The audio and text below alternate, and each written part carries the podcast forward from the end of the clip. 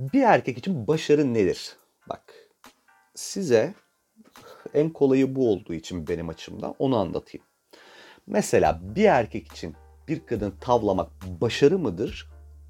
Erkekler için evet hayvan gibi ve en büyük başarıdır hem de yani. Yani sadece bir başarı da değildir hatta başka birçok şeyi başarma yolundaki en büyük itkidir bu erkekler için. Yani kadınları etkileme meselesinden bahsediyorum. İyi bak yaşınız ne olursa olsun bir dil öğrenmekten tut çok para kazanmaya. İşte atıyorum harika bir gol atmaktan ki bu golü Barnabeu'da da atabilirsin. Halı saha maçında da hiç fark etmiyor. Efendim söyleyeyim 50 kiloluk böyle dumbbellları gık demeden 25 kere havaya kaldırıp indirmeye kadar. Yani aklına ne geliyorsa yaptığımız ve başardığımız her şeyi aslında biz bir kadını etkileyebilmek için yapıyoruz. Ve bu çok acı bir durum aslına bakarsan bizim açımızdan. Yani türümüzün en bariz defosu bu olabilir bir an kadınların böyle olmadığı ya da işte ne bileyim kadını elde etmek gibi bir gayenin olmadığı bir hayat hayal etmeye çalışıyorum. Bak inanın erkekler olarak var ya çok daha rahat, çok daha böyle mutlu ve huzurlu olurduk. Çok açık bir şey bu. Çünkü yani çok çok büyük bir çile kalkıyor ortadan bizim için. Uğruna böyle bir ömür mücadele verdiğimiz o kutsal mumuş artık yok kesinlikle bir boşluğa düşüş yaşanır bu durumda. Evet ama bir yandan da abi tarifsiz bir kafa rahatlığı demek bu. Yani bu bak, şu çok açık bir şey. Mağara insanına döner miyiz? Döneriz. Birazcık daha hallicisi oluruz belki. Hani kadınlar olmasa. Ee, bakarsan dışarıdan böyle kötü bir durum gibi duruyor bu. Ama öte yandan da aslında hayat sadeleşir, basitleşir böyle gayelerimiz temel ihtiyaçlar düzeyine iner. Böyle yeminle ömrümüz uzar ya bu olursa. Hani hep şey geyiği var ya erkekler neden kadınlardan da erkek, erken ölür geyiği. Çok basit abi kadınlar yüzünden. Ciddiyim yani hiç şakası yok. Kadınlara yaranma yolundaki stres öldürüyor bizi. Yani kadın elde edeceğim ya da kadına yaranacağım, kadın tarafından takdir göreceğim uğruna verdiğimiz çabalar bizim ömrümüzün törpüsü ya. Törpüsü yani başka izah yok bunun. Bak geçen gün böyle 4-5 tane arkadaşımla bir işte görüntülü arama yaptık, içiyoruz, sohbet ediyoruz falan. Laf nereden oraya geldi bilmiyorum ama biri şey dedi. Abi dedi nasılsa evdeyiz diye iyi donlarımın hepsini böyle dedi koydum kenara dedi çekmeceye dedi. Ne kadar dedi kötü kötü donum varsa onları giyiyorum. Va dünya varmış dedi rahatladım falan dedi. Ve herkes aynı anda evet abi ben de kötü donlarımı giyiyorum, giyiyorum dedi. Bak bunun ne demek olduğunu kadınlar asla anlayamaz. Yani sizin dünyanızda cidden bunun karşılığı yok bu söylediğim şeyin.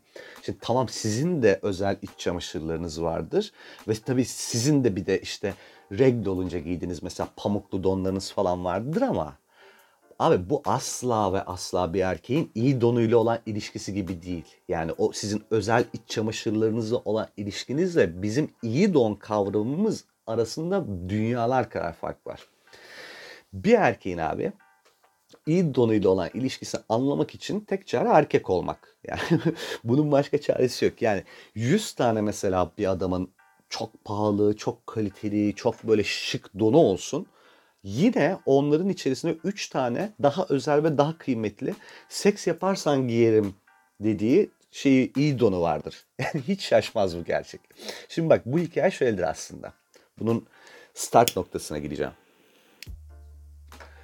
erkekler için don alma işi anneleri tarafından gerçekleştirilen bir şeydir. Tamam hani çocukken herkesin kıyafetini annesi babası bir şey alıyor da erkek için bu daha uzun bir süre devam ediyor. Yani kendisi o konuda irade göstermiyor uzun bir süre boyunca ve bizim ilk donlar maalesef slip efendim söyleyeyim beyaz, e, mavi yahut yeşil ya da daha da kötü Mickey Mouse'u falan don, slip donlar oluyor böyle tamam mı? Ve Sonra böyle bir gün biz bunun böyle çok uncool bir şey olduğunu öğreniyoruz erkekler olarak ve bu genelde böyle orta son işte lisenin başları falan o günlere tekabül ediyor ve orada biz ilk cinsel deneyimimizi yaşıyoruz. Şakasız ilk cinsel deneyim budur erkeklerin. Nasıl olduğunu anlatacağım şimdi. Önce şu dop mevzusuna devam edeyim. Ben de mesela şöyle olmuştu bu aydınlanma. Çok beğendiğim bir kız abi. Sınıfta her erkeğin olduğu gibi benim de çok beğendiğim bir kız var. Bir şey anlatıyor ve ben ağzım açık dinliyorum böyle. Laf arasında bu böyle dalga geçtiği birinden bahsederken kız şey dedi. Abi dedi Allah bilir dedi hala dedi o çocuk dedi beyaz silip don giyiyordur dedi. Tamam mı? falan diye ben böyle lafına kahkahaya attım. Yaranmacı kahkaha. Ama yüzüm kıpkırmızı olduğu ter atıyorum bir yandan. Böyle kahkahamı tamamladım. Sonrasında sessizce tuvalete gittim. Beyaz donumu götümden çıkardım. Çöpe attım. O gün eve donsuz gittim abi ben. Risk alamadım yani anladınız mı?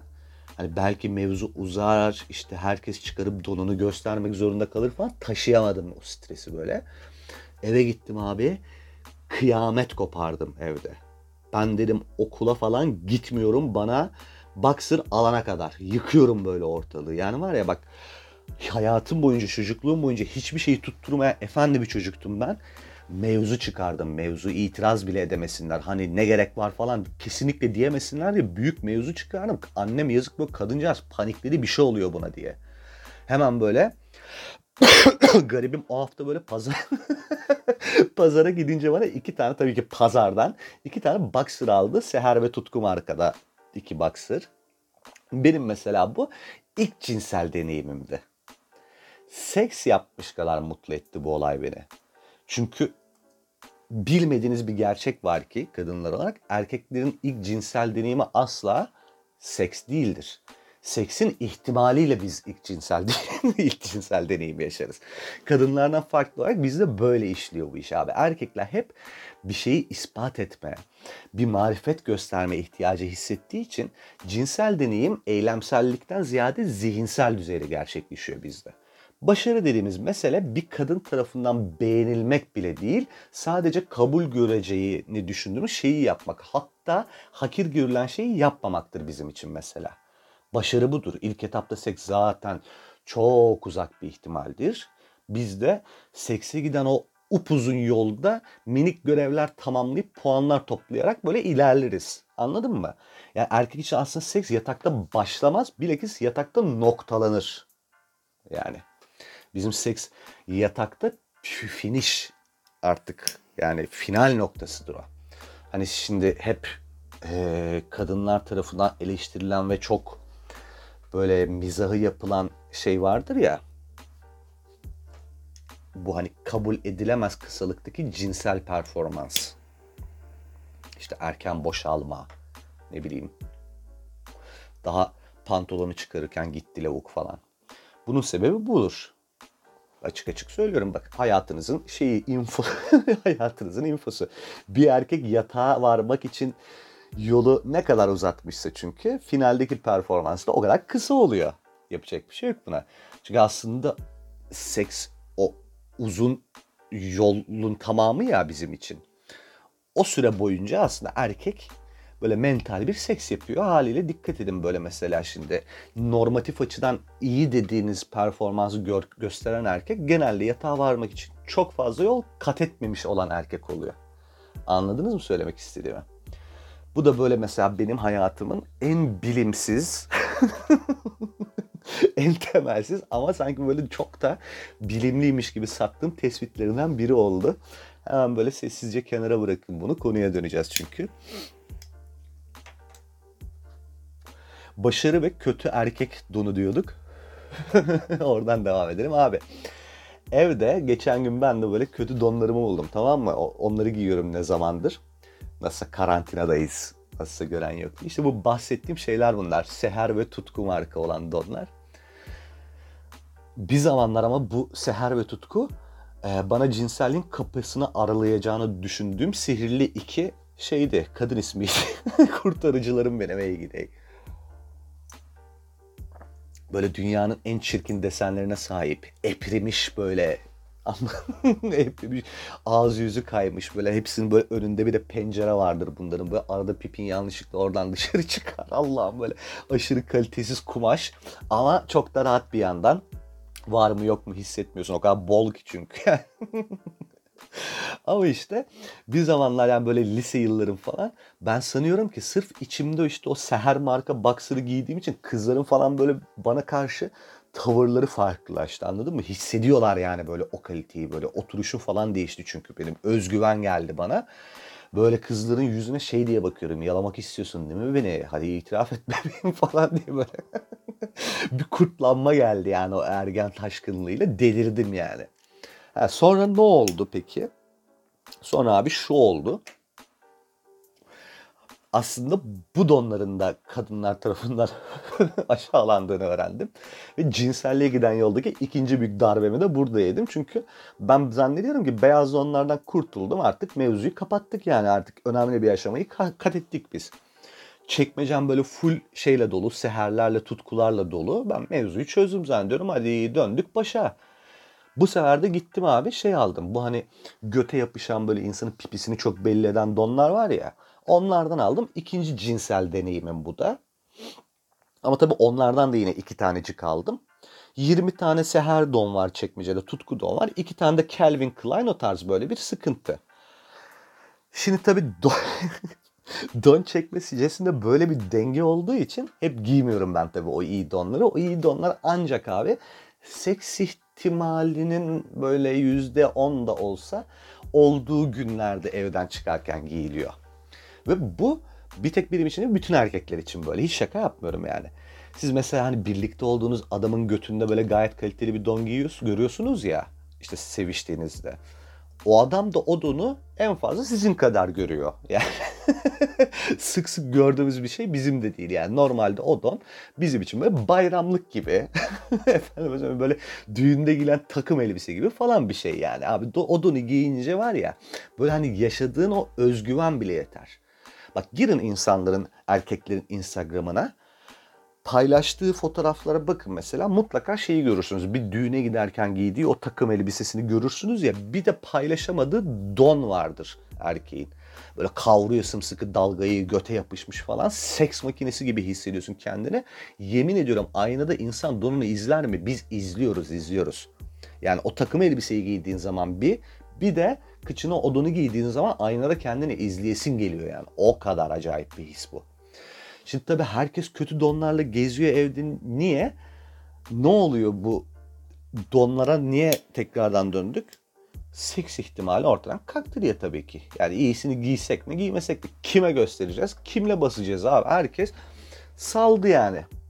Görüyorsunuz değil mi?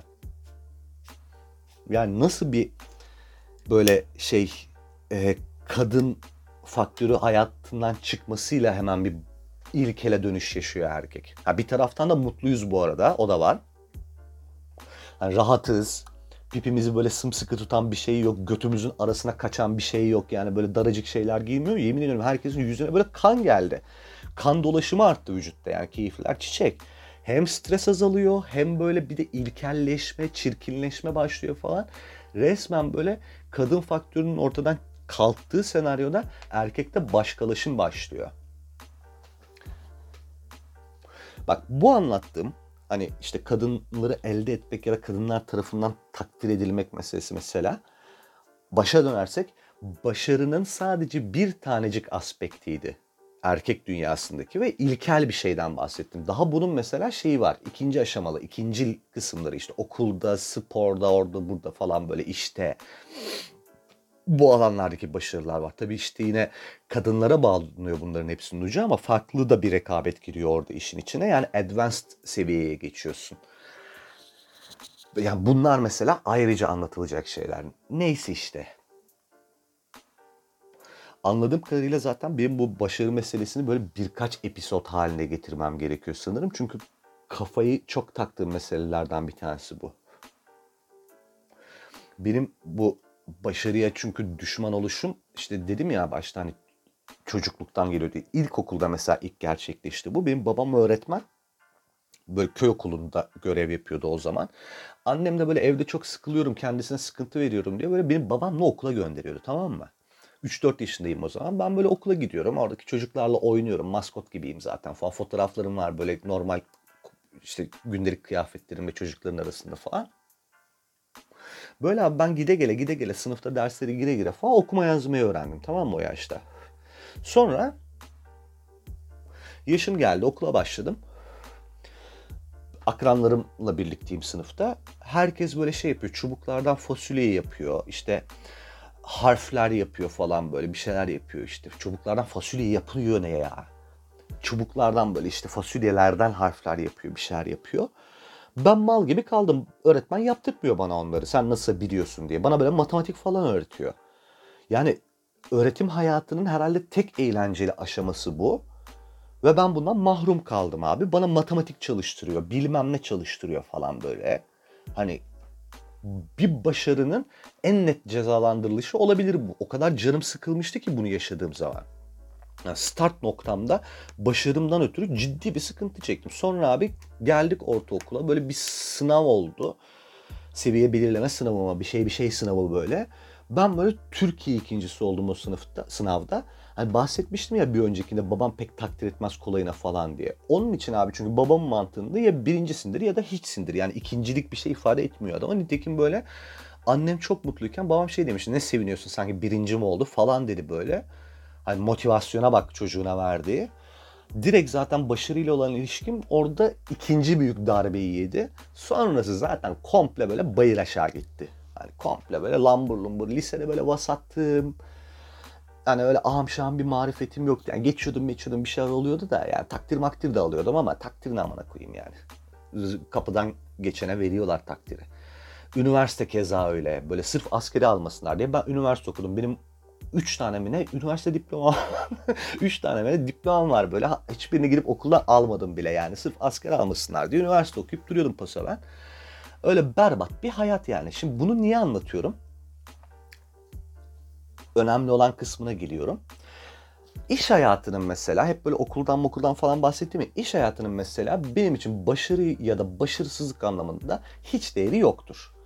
Asıl beni dinleyen ve işte yarın öbür gün işe başlayacak olanları ya da şu anda iş hayatıyla ilgili sıkıntılar yaşayıp sürekli overthinking yaptığı için canı sıkılanları ilgilendiren kısma geliyorum. İnsan evet tabii ki yaptığı iştir biraz tamam mı? Yani yaptığı işi benimsemiyorsan, sahiplenmiyorsan falan e, bir mutsuzluk kaçınılmazdır. Yanlış bir şeyler yapıyorsundur. Evet buna inanıyorum ama asla ve asla bir insanın değerine kimliğini, efendime söyleyeyim kişiliğini falan işi belirlememeli bence. Bu bu çok hastalıklı bir şeydir bana göre. Mesela yani bir insan kendi mes kendini böyle mesleğiyle tanıtıyorsa hani merhaba noktasında ben doktor, avukat, mühendis bilmem kim diye tanıtıyorsa ya da hemen ardından mesleğini ekliyorsa atıyorum işte Twitter'da, Instagram'da vesaire biosuna mesleğini ya da işte çok havalı bir okuldan mezunsa o okulu yazma ihtiyacı hissediyorsa bu bir böyle kendini konumlandırma biçimi onun için ve bunun üzerinden de karşısında hürmet bekliyorsa çok kaba söyleyeceğim o insan yarak gibi bir insandır abi. Yani her biosuna meslek yazan ya da mezun olduğu okulu yazan insan böyledir demiyorum. Yanlış anlamayın. Bunu bir hürmet beklentisiyle yapan insanlardan bahsediyorum. Bu insanlar bana göre böyle zayıf karakterli ve olamamış insanlardır. Yani insanlık vasıflarıyla alakalı çok büyük noksanlıkları olan insanlardır. Çünkü bu nihayetinde abi bir ünvan tamam mı? Yani bir yeti değil, bir bir şey değil. Bir, bu bir sertifika böyle. Ve tek sermayen buysa eğer hayatta bence insan olma anlamında ciddi başarısız birisin sen. Ben en azından böyle düşünüyorum. Benim insanları değerleme e, kıstasım bu. Ben mesela başarılı bir reklamcı mıyım bilmiyorum tamam mı? İşimde iyi olduğumu biliyorum ama başarı kısmından çok mesela ben başarısızlık hikayemle gurur duyuyorum ve hiçbir zaman kendimi yaptığım işle alakalı başarılı diye tanımlamayı tercih etmiyorum. Ben mesela kendi ailemin kara keçisiydim e, bu işe ilk başladığımda. Yani bu iş çünkü e, çok okulu okulu olan e, sınırları belli ve işte ne iş yapıyorsun dendiğinde tek kalemde söylenen bir iş değil.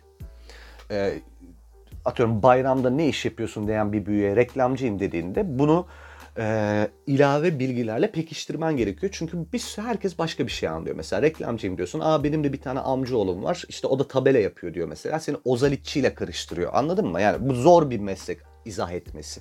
Ve böyle bir mesleği tercih etmek başlı başına bir asilik aslında benim ailemde.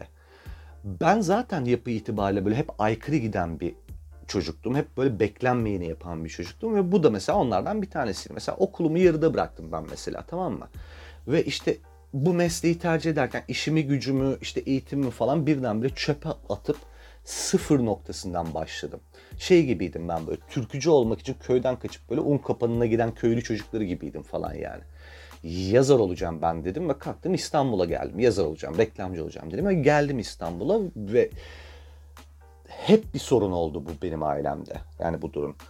Yani benimki gibi özellikle e, ilişkileri kuvvetli ailelerde böyle geleneksel yapısını çok bozmayan işte halalar, teyzeler, dayılar, amca, kuzen, onlar bunlar falan böyle çok sıkı ilişkileri olan ailelerde bu tarz hareketlere girmek gerçekten çok zordur. Müthiş bir mahalle baskısı vardır çünkü üstünde ve e, hayatın üstünde hak iddia eden insan sayısı da çok fazladır. Böyle herkesin bir söz hakkı vardır. Herkes müdahale edebilir sana. Yani o yakınlık onlara bu hakkı verir. Böyle inanırlar. Sen mesela istediğin kadar takma, istediğin kadar böyle işine bak. O baskı mutlaka böyle gelir sana yani. Ve sadece sana da değildir bu arada. Yani annene babana da o baskı uygulanır. E yani ya bu arada şeyi söylemek istiyorum. Yani bunu söylerken bu insanlar kötü niyetli insanlar. Bu yaşadığım çok iğrenç bir şey. Allah kahretsin ben bu insanlarla nefret ediyorum ve onlardan kurtuldum falan gibi böyle bir serzenişle anlatmıyorum. Ailemi işte e, akrabalarımı bilmemlerimi seviyorum ve ilişkilerim hala çok iyidir. Hiçbir problem yaşamıyorum ama bir taraftan da maalesef benim gibi daha böyle bireycilikten yana insanlar için sevsen de bu insanların varlıkları çok ciddi bir stres unsuru oluyor hayatında. Yani şimdi okulumu bıraktığım zamanlar, o bahsettiğim zamanlar bu noktada mesela okul bıraktığım zaman benim dert etmem gereken şey ne normalde? Kendi istikbalim değil mi? Yani bu kararın artıları nedir, eksileri nedir? Benim geleceğim için ne gibi bir getirisi olacak ya da götürüsü olacak? Benim bunu tartmam gerekiyor teknik olarak. Ama işte buna ek olarak bir de el alem ne der faktörü devreye giriyor. E bunu da en çok mesela annemle babam hissediyordu benden ziyade. Yani ben bir şekilde zaten kulaklarımı tıkıyorum ama onlar bu toplumun içerisinde sürekli var olmak zorunda oldukları için sürekli de bunlara maruz kalıyorlar. İşte iyiliğime konuşuyorlar bütün insanlar belki evet ama neticede bir e, yergi ve bir baskı unsuru olarak bu insanların üstüne vardıkları için ben bir taraftan da annemle babam sıkıntı çekiyor diye üzülüp strese giriyordum bunları yaparken. Şimdi benim çünkü ailemle alakalı şöyle bir şansım var. Babam sağ olsun kimin ne dediğini aslında çok da sallayan bir insan değil. Böyle yani ama bana ne ne derlerse desinler benim kendi çocuğumla kendi aramdaki mesele diyebilen böyle bir de tevekkül de sahibi bir insan. İnançlıdır da babam. Hayırlısı neyse olsun işte mutlu olacağın şeyi yap evladım. Yarın öbür gün gelip benim karşıma dikilip de senin yüzünden ben istediğim şeyleri yapamadım diyeceğine istediklerini yap. Çuvallarsan da en azından birini suçlamazsın. Kendim ettim, kendim buldum dersin. Otursun aşağı diyen bir insan tamam mı? Bu çok büyük bir nimettir. Çünkü şeyi de biliyoruz. Şu model de var. Böyle kendi başarısı üstünden ya da beklentileri üstünden çocuğuna baskı yapan böyle. Onu böyle büyük streslere sokan. Onda aşırı büyük beklentiler olup böyle sırtına yükler yükleyen böyle bir baba modeli de var. O zaten mesela şey yetişkinlikte müthiş travmalara yol açıyor bu insanlar. Benimki öyle değildi. Ben benim mesela o kısmı yoktu ama buna rağmen abi hep şey hissettim. Babamdan başka herkesin böyle gözü üstümde sanki. Hepsi böyle ben demiştim demeyi bekliyor falan. Böyle hani kötü olmanı istiyor değil söylemek istediğim şey ama bunun olacağına inanıyorlar. Yani başaramayacağına, çuvallayacağına inanıyorlar ve o anı bekliyorlar. Anlatabildim mi söylemek istediğimi? Böyle bir stres ki bir noktadan mesela sırf bu insanlar ben demiştim diyemesin diye uğraşmaya başlıyorsun. Ve farkında olmadan aslında başkalarının tatmini için bir şeyler yapıyorsun. Çok komik. Yani bunu bile bile göz göre göre yapıyordum ben mesela ama yapmaya da devam ediyordum. Şimdi mesela bir işe giriyorum ve istikrarla ilerliyorsam o işte mesela hep aklımda şey var ya işte girdi mi nasıl da sıçmadım ama falan bu yani böyle bir, bir böyle birilerini göt etme arzusu için için. Zırvalığın daniskası. Halbuki ne alaka yani? Zaten sen bu insanların her görüşüne, her fikrine restini çekmişsin tamam mı? Yani kendi yolunu çizmişsin sen. Niyet hala takıyorsun bunları ama işte böyle biriyim demek ki ben ya da belki bu herkes için böyle bir durum bir şekilde kabul görmek ve çuvallamamak üzere bir mücadele veriyorsun. İşimi, gücümü, işte okulumu falan siktir edip kalktım İstanbul'a geldim. Ben reklamcı olacağım dedim, yazar olacağım dedim. Girdim bir yola. Nihayetinde oldum da bir şekilde. Yani inişli çıkışlı zorlu bir süreçti belki ama gerçekleşti bunlar. Ama bak şunu söylemek istiyorum. Şu an bile şu noktada bana başarı nedir dersiniz? Ne işte mesela kitap çıkarmış olmam, ne işte iyi bir reklamcı olmam, ne kazandığım para, ne de başka bir şey. Başarı benim için yapmak istediğim şeyleri yapmak için aksiyon almam. O yolda yürümem. Yani bunun uğrunda mesela bedel ödemem ve gerçekleştirmiş olmak değildir asla bak. Bu değil söylemek istedim. Sadece gerçekleşmesi için çaba sarf edecek. Efendim söyleyeyim kulaklarımı böyle eleştirilere, müdahalelere falan tıkayacak. Böyle parasız, aç falan kalmayı göze alacak cesareti göstermiş olmak benim için şey. Başarı. Sıçabilir miydim? Çok büyük ihtimalle. Yani sıçma ihtimalim çok yüksekti. Ve hala bu arada böyle bir ihtimal var. Hala hiçbir şey garanti altına almış değilim. Ve bunca zaman sonra ben sıçsam hala birileri ben demiştim diyebilir. Hiç şaşırtmaz bu beni. Ama gün sonunda mutluyum. Çünkü olmadıysa bile ya da olduramasam bile şu, şu aşamada ben istediğim şeyi yapabilmek için çabaladım ve istediğim yolda ilerledim. Kimseye de takmadım falan filan anladın mı? Başarı ve başarısızlık meseleleriyle ilgili çok şey söylerim. Daha böyle bir sürü şey söyleyebilirim ama günün sonunda benim için özetin özeti şudur ki başarı denen şey abi en başta da söylediğim gibi seni mutlu eden şeyi yapmaktır. Yaptığın her neyse. Eğer mutlu oluyorsan neticesine ulaşamasan bile bu arada yani pilot olacaksın. Pilot olmak için ne gerekiyorsa onları yapmak üzere yola çıktıysan tamam mı? O yolda ilerlemek de seni mutlu ediyorsa başarılısındır. Gerisi hikaye. Mesela şu an için beni mutlu eden şey, e, başarmış hissettiren şey mesela aslında e, bütün diğer e, işle, güçle vesaireyle alakalı şeyleri bir tarafa bırakırsak bu bu podcast var. O yüzden sürekli e, paylaşan insanları retweetliyorum, story'ime ekliyorum, bilmem ne yapıyorum. Arada mesela açıp sözlüğe bakıyorum kim ne yazmış diye. Ki e, işte açıp baktığım yer eleştiriler de görsem mesela hatta hakaret görsem bile o bile mutlu eder. Neticede şey derim mesela. Demek ki ürettiğim işi birileri yermeye değer bulmuş. Anladın mı? Hatta ya bu kayıttan önce mesela ekşi sözlüğe baktım. Bir sürü enterli girilmiş. Çok mutlu oldum mesela buna. Podcast nereye varacak benim için? Yaptığım bu podcastle nereye varmayı hedefliyorum? Yani yapmak istiyorum ve yapıyorum şu anda. Ee, varacağı yerle ilgili hiçbir gayem yok. Sadece şu anda bu yol üzerinde ilerliyor olmak beni mutlu ediyor. Anlatabildim mi? Çok da basit bir şey yani bu aslında. Şu anda evdeyiz diye podcast yapıyorum. Belki karantina bitecek. Sonra aklıma bile gelmeyecek. Ama yapmak istediğim bir şey var. Yapıyorum ve bence başarılıyım şu anda. Bu da beni çok mutlu ediyor. O yüzden bağlamam gerekirse eleştirilerinizi, yorumlarınızı, bilmemlerinizi yine böyle gidip de mesela sözlüğe yazarsınız, paylaşırsınız. Acayip mutlu olurum. Ee, başarılı hissederim kendime. e tabii işte takip edin bu arada. Paylaşın paylaşın. Bunları da tekrardan söylemiş olayım. Artık böyle adettendir diye söylüyorum. İnsanlar gıcık oluyorsa da bilmiyorum ama çok da önemli değil benim için. Başka ne diyebilirim? Tekrardan işte finalde e, herkes kendine çok dikkat etsin. Bu. Galiba yine uzun oldu ama ne yapalım? Ben de geveze bir insanım. Ez cümle müebbet karantina bir kez daha bitti.